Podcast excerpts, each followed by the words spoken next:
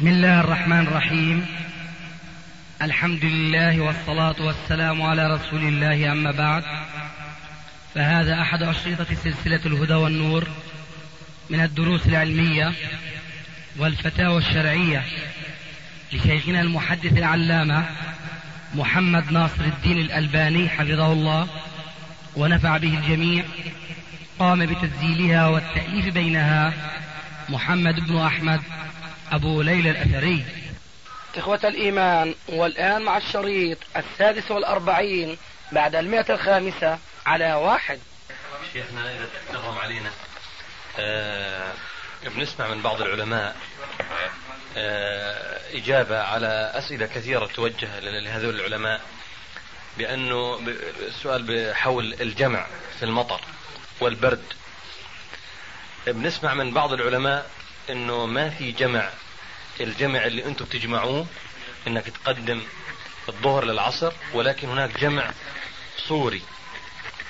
فبدنا نعرف هل في السنة الجمع اللي الناس عم تجمعه بتقدمه كيفية الجمع والرد على الناس اللي بتقبل الجمع والبعض منهم بيسخر إذا سألت هذا السؤال بيقول ما في جمع.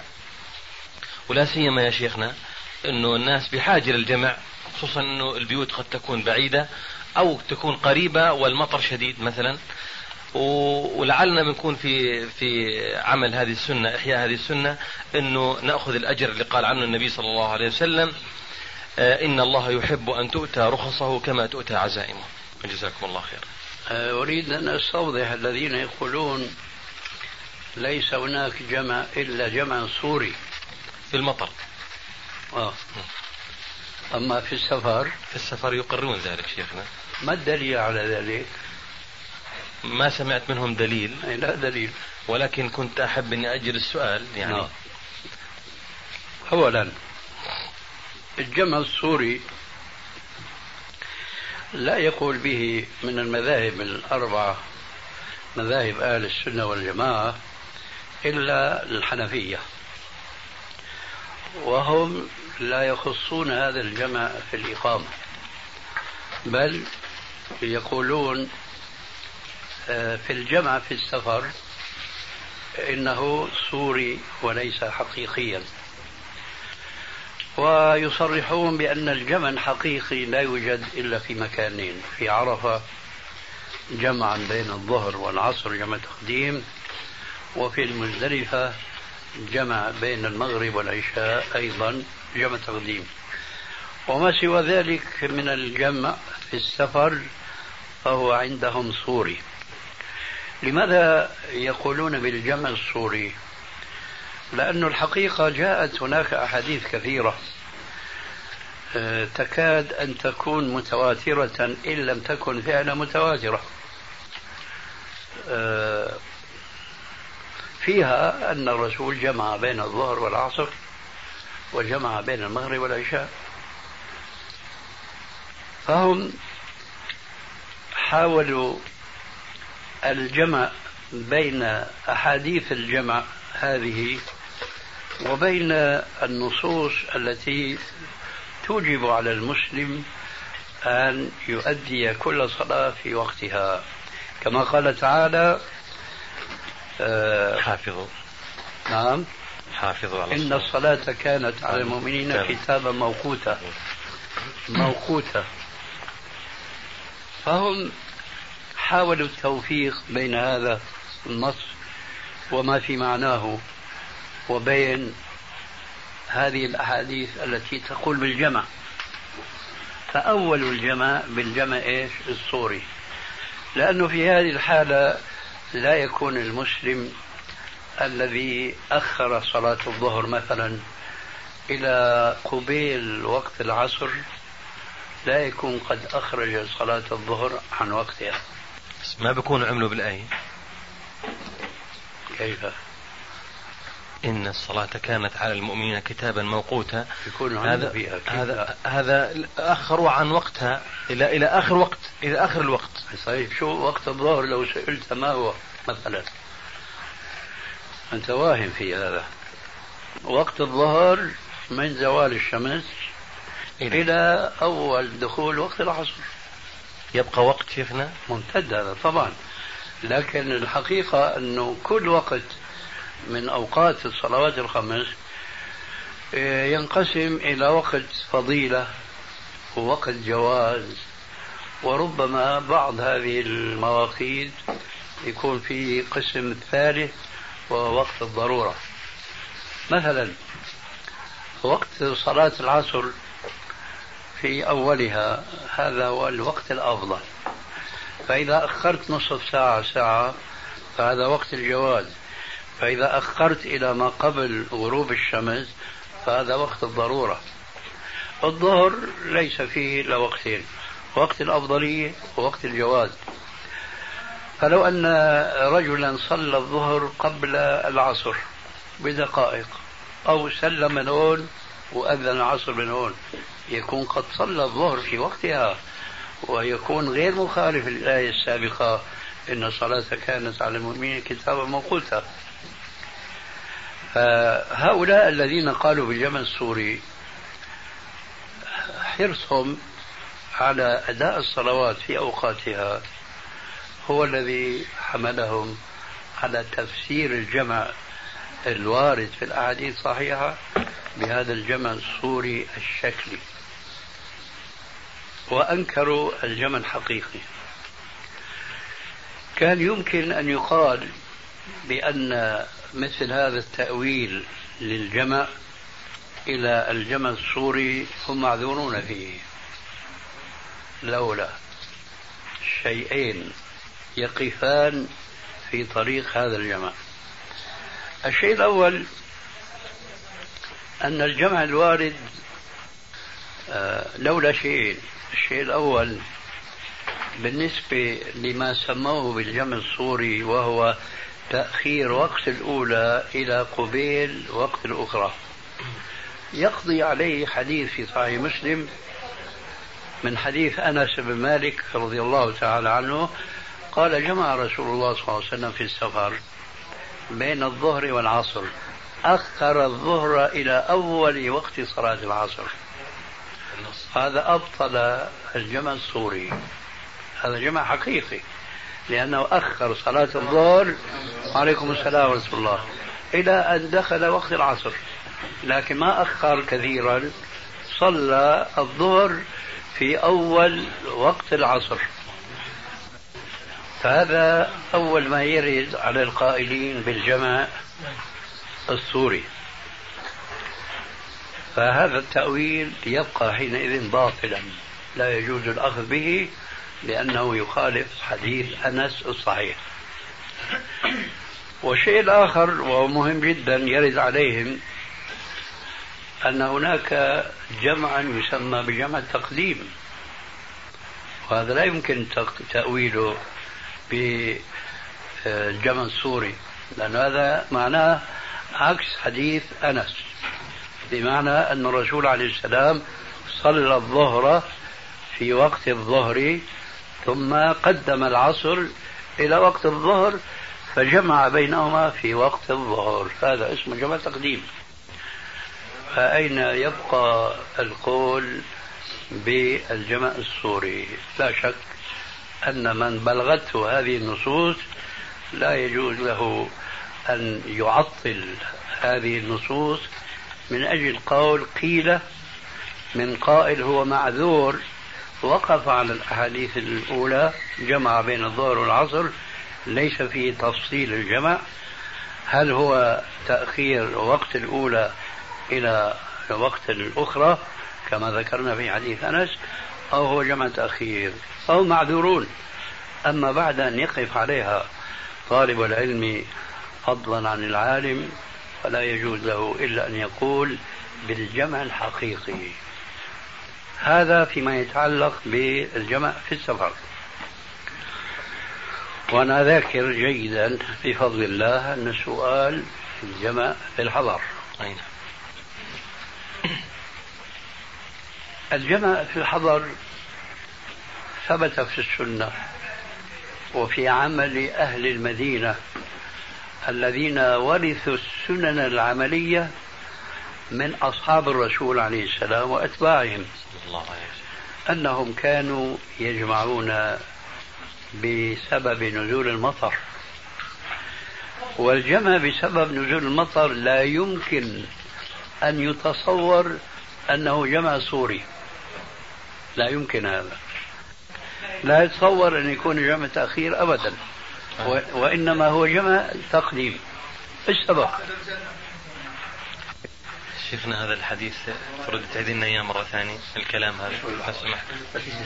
طيب الشيخ. وعليكم السلام ورحمة الله وبركاته. مشت اليوم على المضبوط انت. والله يعني بدها بدها. بدها. عاد أنا سبحان الله ما بحب الرداء الثقيل هذا. لكن يعني كنا هذا ولا أي ثقيل يعني بتحبه. هذا الأعمش له قال له نكتة لطيفة. ذكروا له قالوا آه، إذا كان إذا كان على يسارك ثقيل وأنت في الصلاة قال يكفيك التسليمة الأولى. أي نعم. إحنا الحمد لله على على يميننا شيخنا الله يحفظك. وعلى يسارنا أبو عبد الله. فكنا نتكلم أنت جاهز؟ نعم شيخي.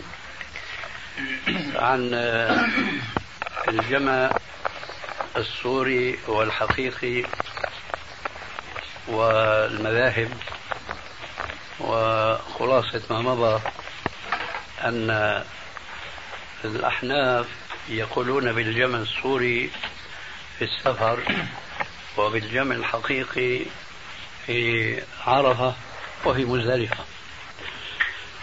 أه وذكرنا أن ذهابهم إلى القول بالجمع السوري في السفر يبطله أحاديث صحيحة بعضها ينص أن النبي صلى الله عليه وسلم آه، لما جمع بين الظهر والعصر أخر صلاة الظهر إلى أول صلاة العصر. ووصل بنا الحديث إلى أنه أيضا يبطل قولهم بالجمع السوري في السفر أنه ثبت أيضا عند الحاكم وغيره أن النبي صلى الله عليه وسلم جمع بين الظهر والعصر جمع تقديم. جمع التقديم كما قلنا آنفا لا يمكن تأويله بالجمع السوري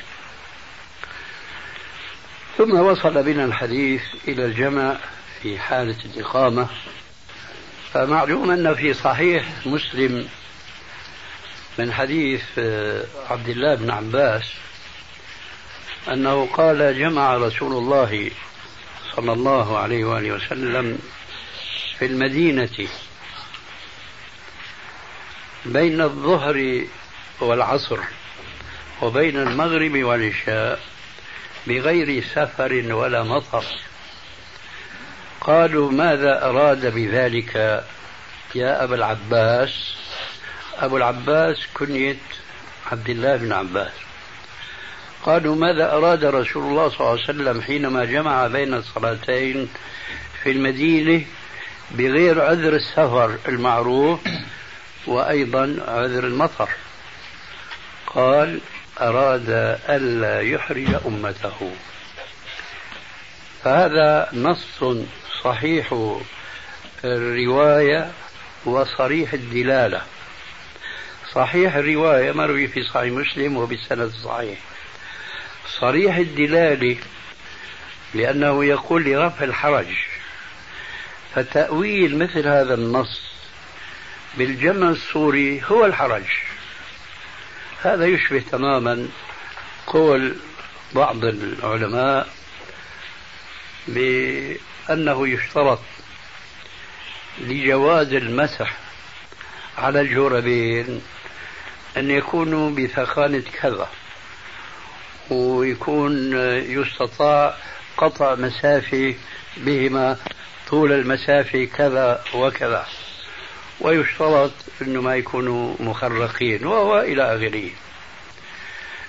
حينما توضع هذه الشروط وهذه القيود في رخصة جاء بها إلينا رسول الله صلى الله عليه وسلم انقلبت الرخصة إلى عزيمة وإلى إيقاع الأمة في الحرج وما جعل عليكم في الدين من حرج.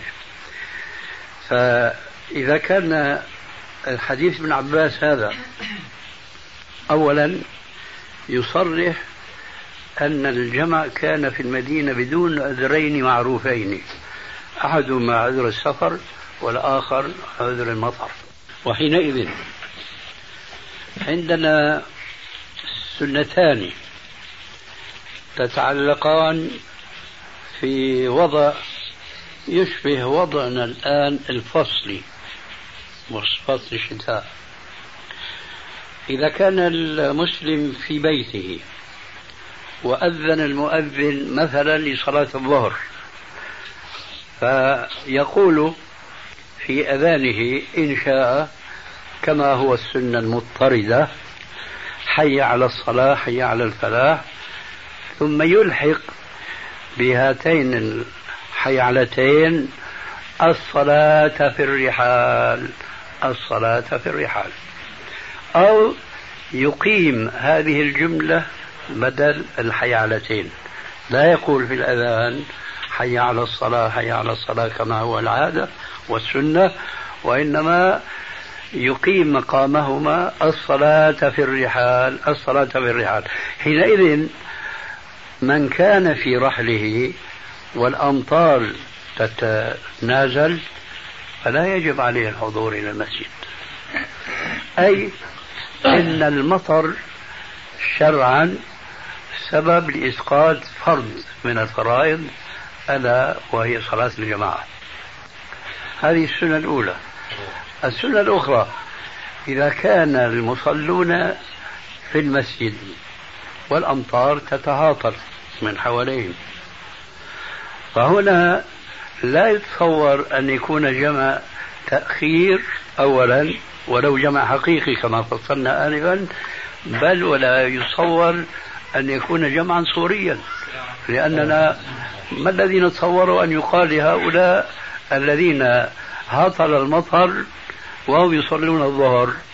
هل يقال لهم انتظروا في المسجد إلى قبيل صلاة العصر؟ مش معقول هذا.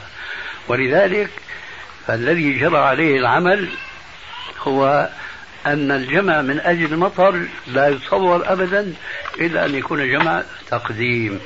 وهذا من أدلة أهل الحديث على الذين يقولون بالجمع الصوري لأن هذا جمع تقديم لا يقبل الجمع الصوري.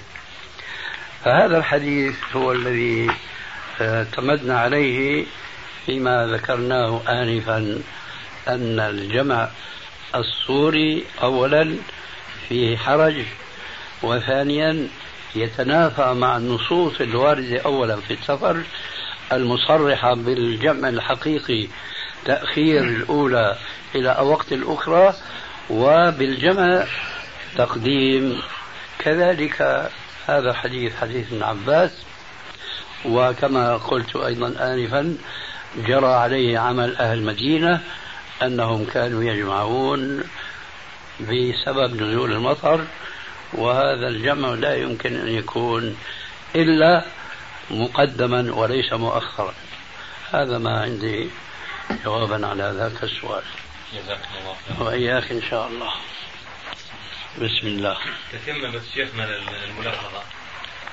آه، هل يكون الحرج شرط في نزول المطر ولا ممكن يكون برد آه، مطر متوقع أو أن هناك غيوم كثيفة أو أن هناك برد شديد هل للإمام أن يرى الجمع ولا هناك شرط في في الجمع في السنة؟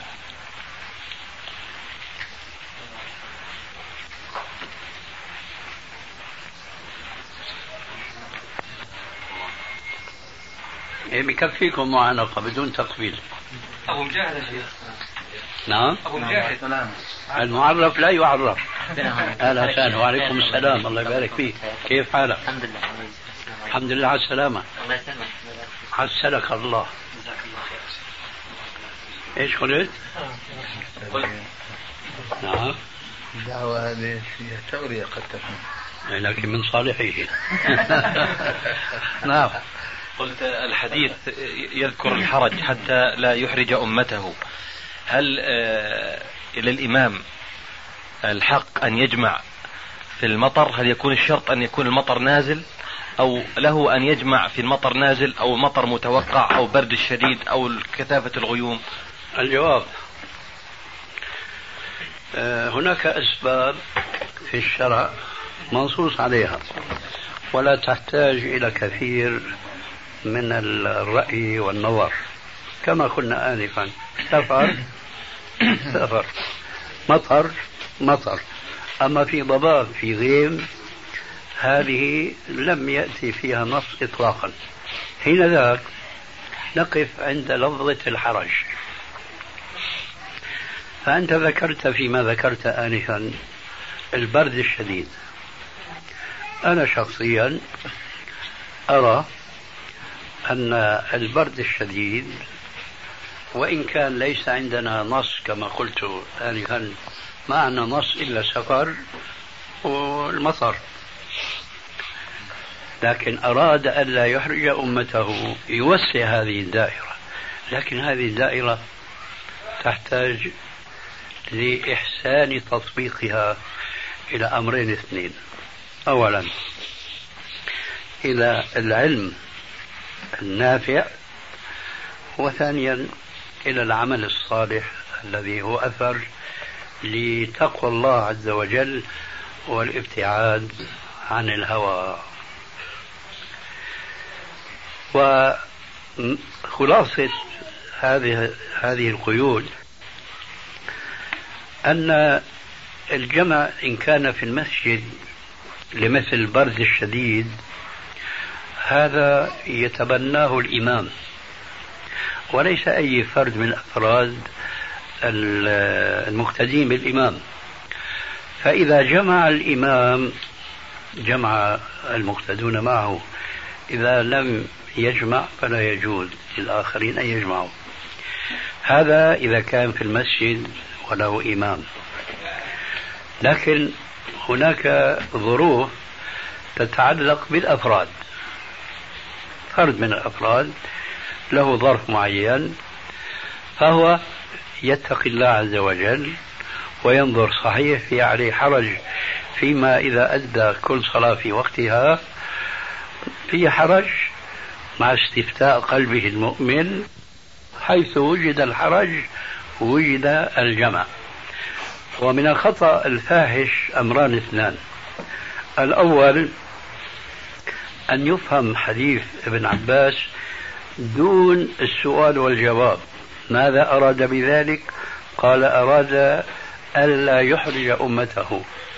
من الخطأ أن يفهم الجمع المذكور في الحديث دون النظر إلى السؤال والجواب الذي يتلخص منه أن الجمع الذي جمعه الرسول عليه السلام إنما كان لرفع الحرج. واضح؟ طيب. فالمسلم إذا وقع في الحرج إذا ما أدى كل صلاة في وقتها جمع بينهما وحسب ما يقتضيه الحرج الذي يريد أن يفر منه إما جمع تقديم أو جمع تأخير. وهذا نحن يعني نستفيد من هذا الحديث لحل بعض المشاكل التي تعرض لبعض الموظفين كالجند مثلا. أو الشرطي أو نحو ذلك فإنهم قد لا يستطيعون أن يصلوا كل صلاة في وقتها. حينئذ يقال لهم إذا وجدتم حرجا في أداء الصلاة في وقتها فاجمعوا بينهما إما جمع تقدير أو جمع تأخير. هذا الشيء الأول. الشيء الآخر فيما يتعلق بالجمع في المسجد لا ينبغي أن يصير فوضى في المسجد. ناس بدهم يجمعوا وناس ما بدهم يجمعوا. فلماذا وضع هذا الإمام ليقتدى به؟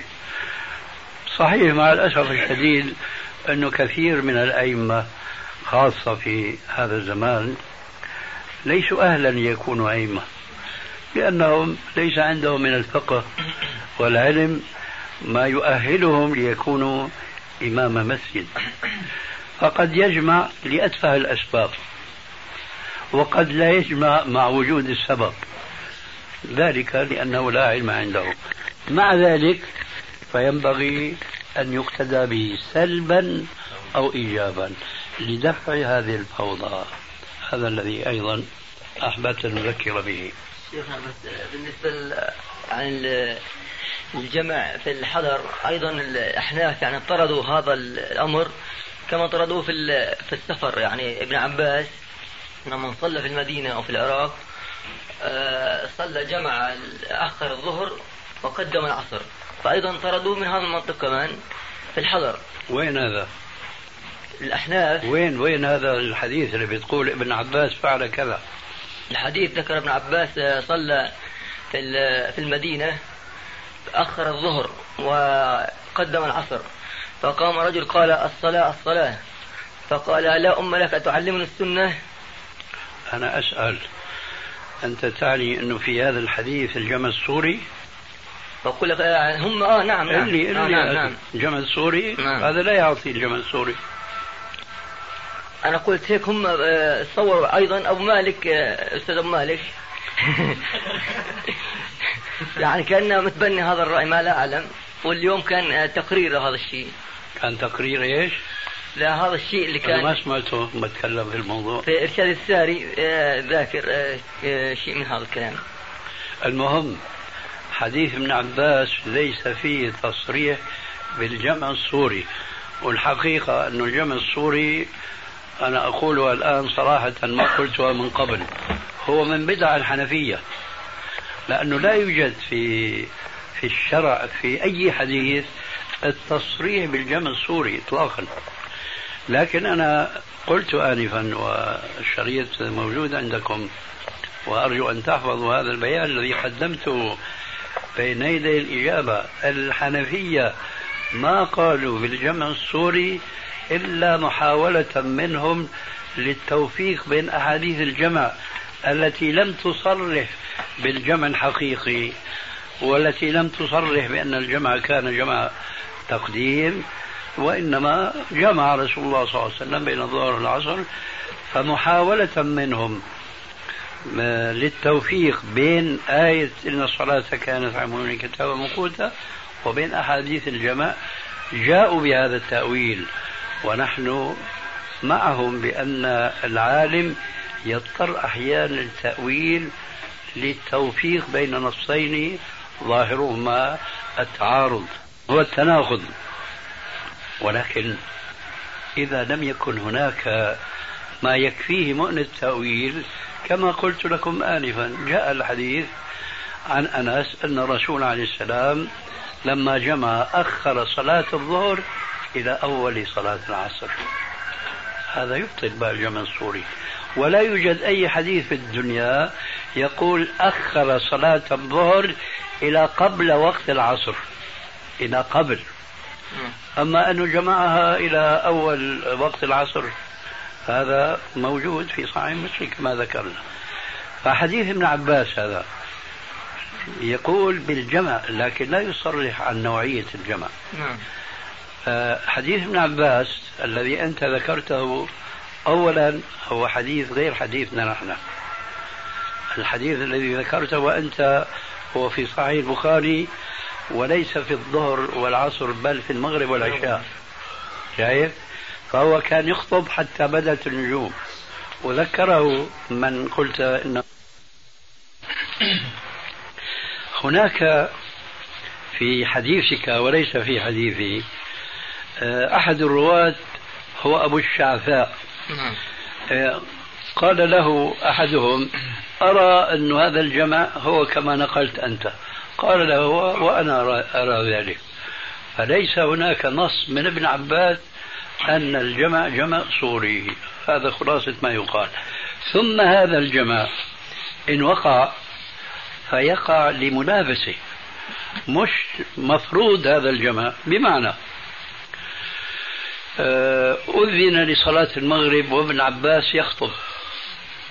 ووجد أن الجمع الآن محتشد ومستمع فهو لا يريد أن يقطع هذا البحث وهذا العلم من أجل التعجيل بأداء صلاة المغرب في أول وقتها وقبل أن تتشابك النجوم كما المعروف السنة. يريد أن ينتهي من المحاضرة أو الموعظة التي كان يلقيها. فإن انتهت الموعظة منه قبيل صلاة العشاء صلى المغرب. وإن انتهت الموعظة بعد صلاة العشاء صلى المغرب. أريد من هذا الكلام بأن لا يفرض عليه أنه لازم إذا بدك تجمع أنك تتقصد تأخر الأولى إلى قبيل دخول الوقت الأخرى. هذا كما قلنا فيه حرج. فإذا الجمع هو لحل مشكلة. فهذا الجمع إذا اقتضى التقديم قدمنا. إذا اقتضى التأخير حقيقة أخرنا. إذا اقتضى التأخير إلى قبيل الوقت الأخرى ما في مانع. أما أن يفرض ذلك فرضا على المسلم فهذا لا يوجد فيما علمنا في السنة ما يلزمنا بذلك. غيره. في السيدات فكرت بسؤال أسألك هي آه، عن الدورة الشهرية. هي بعد ما تنتسل من الدورة الشهرية تبدأ بالصلاة. الدورة الطمث الشهرية. نعم.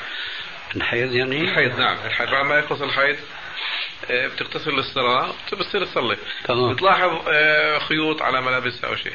فهل هذا يعني بي- بيفسد بالنسبة لصلاتها بتعتبر صلاتها غير مقبولة السابقة ولازم تغتسل تقصد؟ يعني هذه الخيوط يعني- من الدم آه، كانت من قبل لا بعد ولا ب... بعد. ننزل منها نعم مم. فهي بتظل متشككة بالنسبة نعم. للموضوع هذا هذا بارك الله فيك المرأة آه، المفروض أن يكون لها عادة فإذا كان أولا لزمت عادتها أولا يعني مثلا عادتها سبعة أيام. وانتهت هذه العادة. هذا أولا. وثانيا إذا رأت القصة البيضاء أو ما يسمى عند العامة بالطور معروف هذا لابد عندكم؟ ولو كنتم رجالا لأن الرجال مسؤولين عن النساء. فالقصة البيضاء أو الطهر هو عبارة عن ماء سائل يخرج في آخر الحيض. فإذا رأت المرأة هذا الماء السائل فهو العلامة الشرعية على أن المرأة حاضت انتهت من حيضها وعليها أن تغتسل. فإذا لم ترى هذا السائل الذي يسمى بلغة العرب القصة البيضاء فمعناها لم تطهر. فإذا رأت القصة البيضاء ثم بعد ذلك رأت قطرات من دماء فذلك لا يضرها. لكن الثوب الذي كان عليه هذه الدماء لابد من من غسله. فبهذه القطرات بعد أن ترى القصة البيضاء لا تعود حائضا وإنما إذا كثر هذا الدم بتصير مستحاضة فتصلي وتصوم وكل شيء. واضح الجواب إن شاء الله. تفضل. شيخنا أبو عبد الرحمن شخص توفي بسبب التدخين مع مع إنذار الأطباء له بذلك. هل يعتبر قاتلا لنفسه أم لا؟ يعني مات بأثر من آثار شرب الدخان. نعم. لا لا يعتبر يكفيه إثما أنه قضى حياته وهو يعني يضر بصحته وبماله. ولعلك كنت حاضر اليوم خطبة الأستاذ أبو مالك. كانت خطبته اليوم حول هذه القضية. لكن لا يعتبر قاتل النفس لأنه قتل النفس هو بتعاطي وسيلة يقصد بها الانتحار. ولو, وهذا ليس من هذا القبيل. ولو تم تحذير الأطباء له؟ نعم. ولو تم تحذير الأطباء له بذلك؟ هذا كنتيجة يا أخي. نحن نقول بالنسبة للمدمن لشرب الدخان لا يعتبر قاتل نفس. جزاك الله خير. وإياك. شيخنا برضه هو ذكر الماء فقط ما فهم لعله يعني إذا كان قصد أن يقضي على نفسه بشيء يقتل في العادة. هو لعله على كل حال تفضل. لا لا تفضل بس أنا أردت معليش أنت بجوز فهمت منه شيء أنا ما فهمته. لا لا هو اللي بس لا هو لعله أيضا يعني ما فهم عنك ما ما قصدت إليه يعني. آه. أي نعم هذا اللي بس شيخ اعتبره عازم ما اعتبره قاتل نفسه إيه، إيه. يعني أنا التعليق أريد أن أقول برضه إذا كان الرجل يعني قال له الطبيب لا تدخن وأصر على التدخين وهو يعلم بأنه سيموت من هذا الدخان وقال أنا أقصد إلى أن أموت بالدخان فيعتبر قاتل نفسي. هذا. بس هذه صورة يعني أشبه من الخيال يعني. يعني هذا إيه. ما هو يعني إيه نعم. نعم. ورد سمعنا في السنة أن النبي صلى الله تعالى عليه وسلم كان يسمع بعض الآية آه، يسمعه من من خلفه إذا قرأ. نعم. هذا يدل على الصلاة السرية. فهل يشرع للمأموم أن آه، يسمع آه، من هو بجانبه بعض الآيات؟ لماذا؟ بسأل أنا. هل يشرع؟ أنت بتسأل أنا بقول لا. أحسنت. لكن بجوز إذا بينت آه، ليش؟ يقول لك إيه؟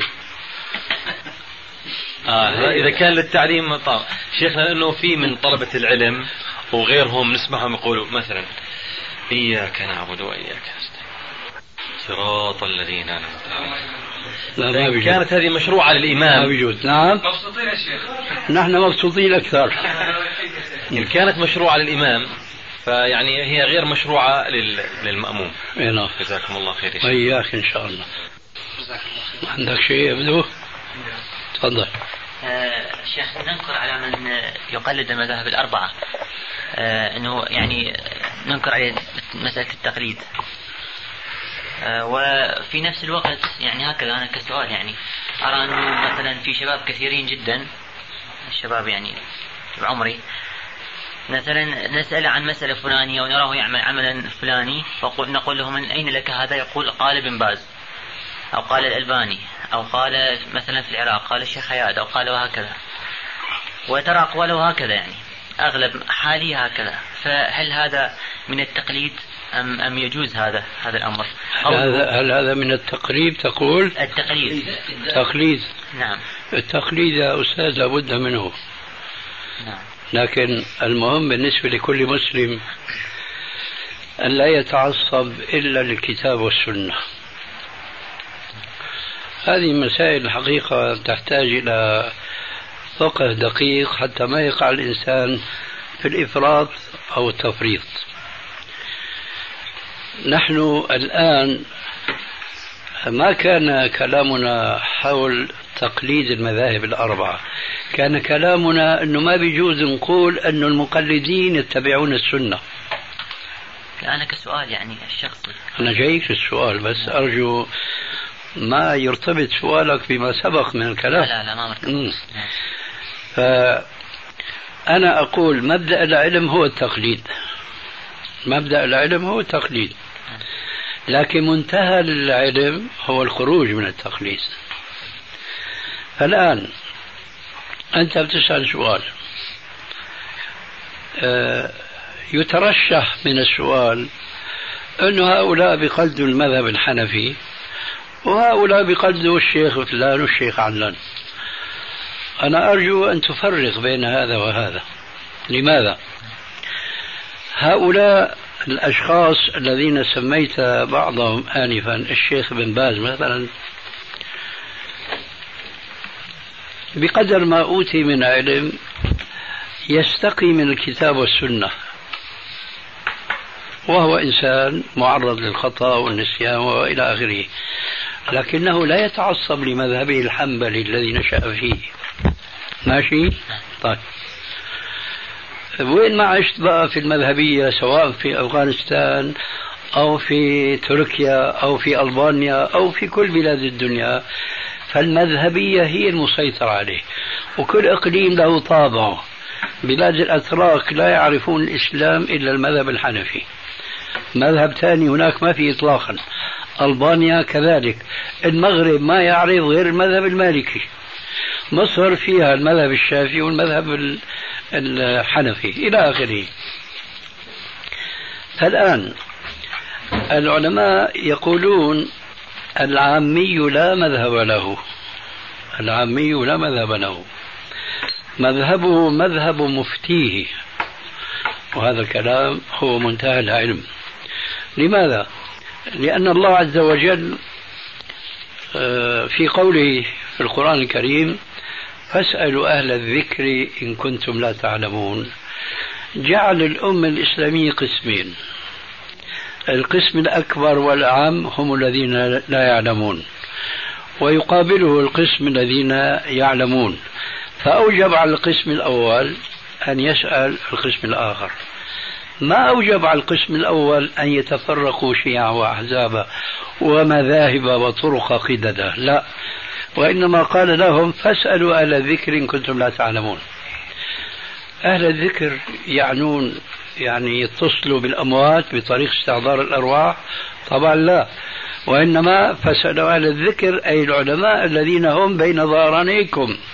الآن أي إنسان وخلينا نحكي عنك أنت إذا كنت عايش في جماعة مذهبيين وفيهم بعض العلماء في المذهب لكن ترى أن أحدهم عنده شوية بالتعبير السوري لحلحة. تفهموا هاي كلمة؟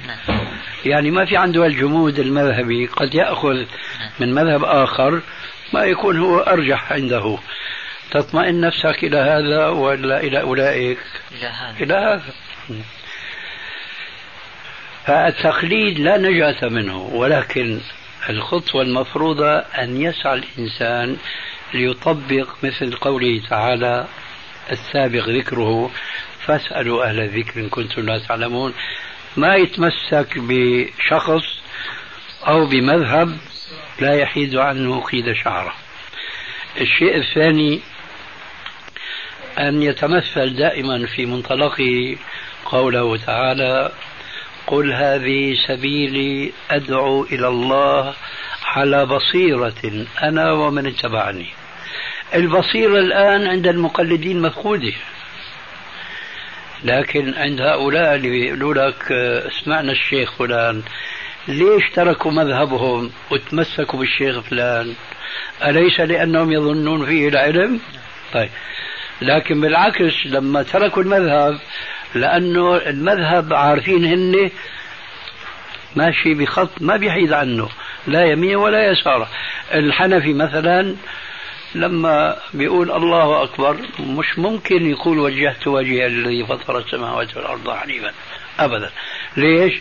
لأنه المذهب الحنفي كل كتب الفقه سواء ما كان منها ملخصا أو مبسطا دعاء الاستفتاح سبحانك اللهم. الشافعي بالعكس من ذلك وجهت وجهه.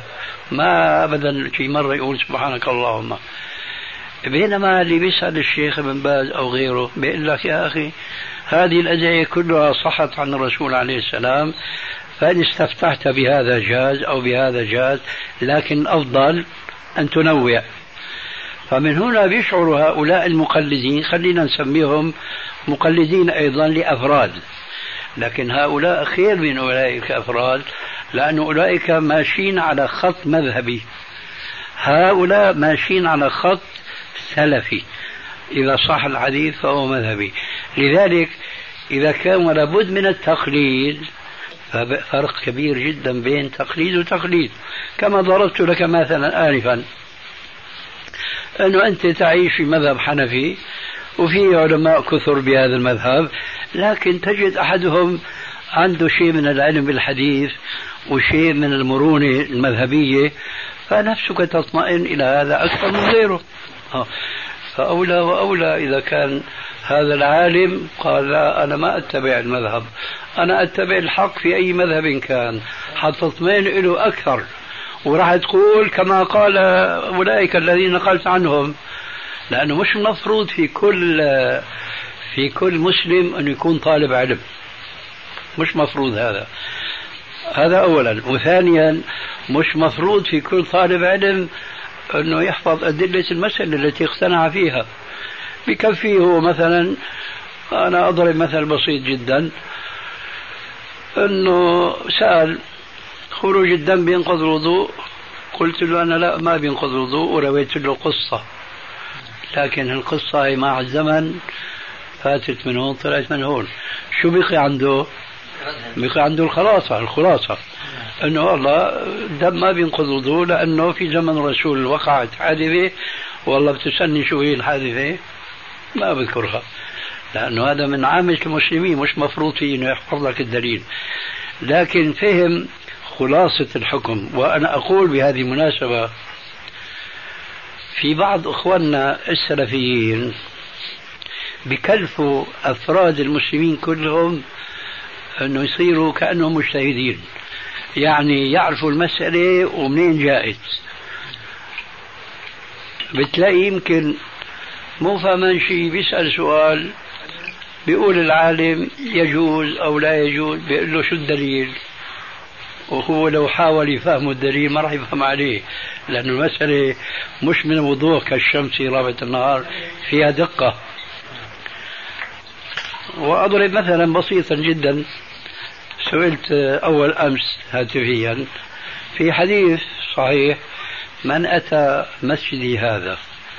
يطلب فيه علما كان كالمجاهد في سبيل الله. كان السؤال هل هذا الحكم خاص في مسجد الرسول ولا بيشمل كل المساجد؟ قلت له لا الحديث مو خاص في مسجد الرسول. قال لي شو الدليل؟ معذور هو لأنه الحديث عم يقول مسجدي هذا. قلت له يا أخي مو كل مسألة ممكن عامة الناس أنه يفهموا الدليل فيها. وعليكم السلام ورحمة الله وبركاته. قال لي إذا منقول الرسول قال صلاة في مسجدي هذا بألف صلاة. إذا كل المساجد بألف صلاة. فمن الخطأ أن نكلف الناس ما لا يطيقون. أول هذا الخطأ أن نكلف الناس يكونوا كلهم علماء. هذا تكليف بالباطل. بل من الخطأ أن نكلف كل الناس يكونوا طلاب علم. كمان هذا خطأ. لكن كما جاء في الأثر عن بعض السلف الصالح كن عالما أو متعلما أو مستمعا ولا تكن الرابعة فتهلك اليوم أكثر الناس مع الأسف من القسم الرابع. ما بيهمه يسأل ولا يتعلم ولا بيحضر مجالس علم بالعكس إذا كان في مجلس علم ينفر.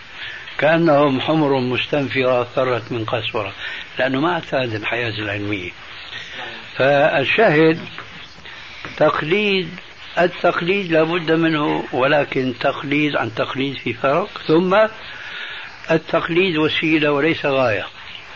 يجب أن ينتهي إلى الغاية وهي أن يكون على بصيرة من دينه. وكل مين بحسبه فأظن أنا أعطيتك جواب سؤالك إن شاء الله. نعم. جزاك الله خير. لذلك فهذا الحاكم سواء كان في سوريا في بلادنا أو كان في العراق في بلادكم هذا الحاكم سيولي ولا بد يوما ما أن يثور الشعب العراقي والسوري المسلم حقا. الدول التي احتلوا وتعاونت معهم بعض الدول الإسلامية هم ليسوا كالحكومة العراقية مع الشعب العراقي. هم يمثلون شعوبهم وشعوبهم تمثلهم. فلو راح بوش راح يجي ثاني من هو أبوش. عرفت كيف؟ لكن ليس الأمر كذلك بالنسبة للبلاد الإسلامية لأنهم لا يمثلون الشعوب الإسلامية أبدا. ولذلك فأنا ما بهمني النظر إلى الحاكم بقدر ما يهمني النظر إلى الشعب المحكوم. من هنا يجب النظر إلى قاعدة سابقة الضرورات تبيح المحظورات مع ضميمة الضرورة تقدر بقدرها. فلو احتل الأمريكان البلاد الإسلامية الآن سيكون الوضع في المستقبل أسوأ بكثير من استعمار العراق مثلا الكويت. هذا الذي نحن ننظر إليه من الناحية النظرية. أما من الناحية الشرعية القضية واضحة إنا لا نستعين بمشرك بل إنا لن نستعين بمشرك. لن للتأبيد. الحمد لله. يرحمك الله. ثم يأتي هنا شيء لا ينظر إليه هذا السائل المتمسك بدعوى الضرورة. هل يجوز لمسلم أن يدخل مفازة يغلب على ظنه أنه سيلقى حتفه جوعا أو عطشا فيتعرض لاستحلال ما حرم الله. هذا مثل المستعينين بالكفار لأنهم لم يأخذوا العدة والاستعداد لمقاومة الطغيان كطغيان صدام مثلا. فعاشوا سنين طويلة وهم آه، يعلنون في الشعوب الإسلامية أنه في تقدم الصناعة والحضارة وإلى آخره. أما العمل بقوله تعالى وأعدوا له ما استطعتم من قوة ومن رباط الخيل ترهبون به عدو الله وعدوكم لم يكن شيء هناك إطلاقا. لو أن السعودية مثلا آه، تعاطت وسائل الاستعداد لملاقاة طغيان صدام مثلا ما كانت بحاجة أن تستعين بأمريكا وبريطانيا بل ربما لم تكن بحاجة أن تستعين حتى ببعض الدول العربية المسلمة ومع ذلك فكما قيل حنانيك بعض الشر من بعض. لو كانت السعودية مستعدة وقائمة بالواجب الشرعي من الاستعداد المادي والمعنوي في آن واحد لوقفت في وجه الطاغية هذا. لأنه هن شو بيقولوا؟ ما دام الطاغية هذا استولى على الكويت إذا راح يجي دور السعودية طيب وين استعدادات السعودية؟ رأسا لجأت للاستعانة بالكافر. هذا لا يجوز. هذا مثله مثل من عرض نفسه لدخول مفازة وهو لم يستعد لهذا الدخول لم يأخذ أسباب الحيطة والنجاة. جزاك الله خير.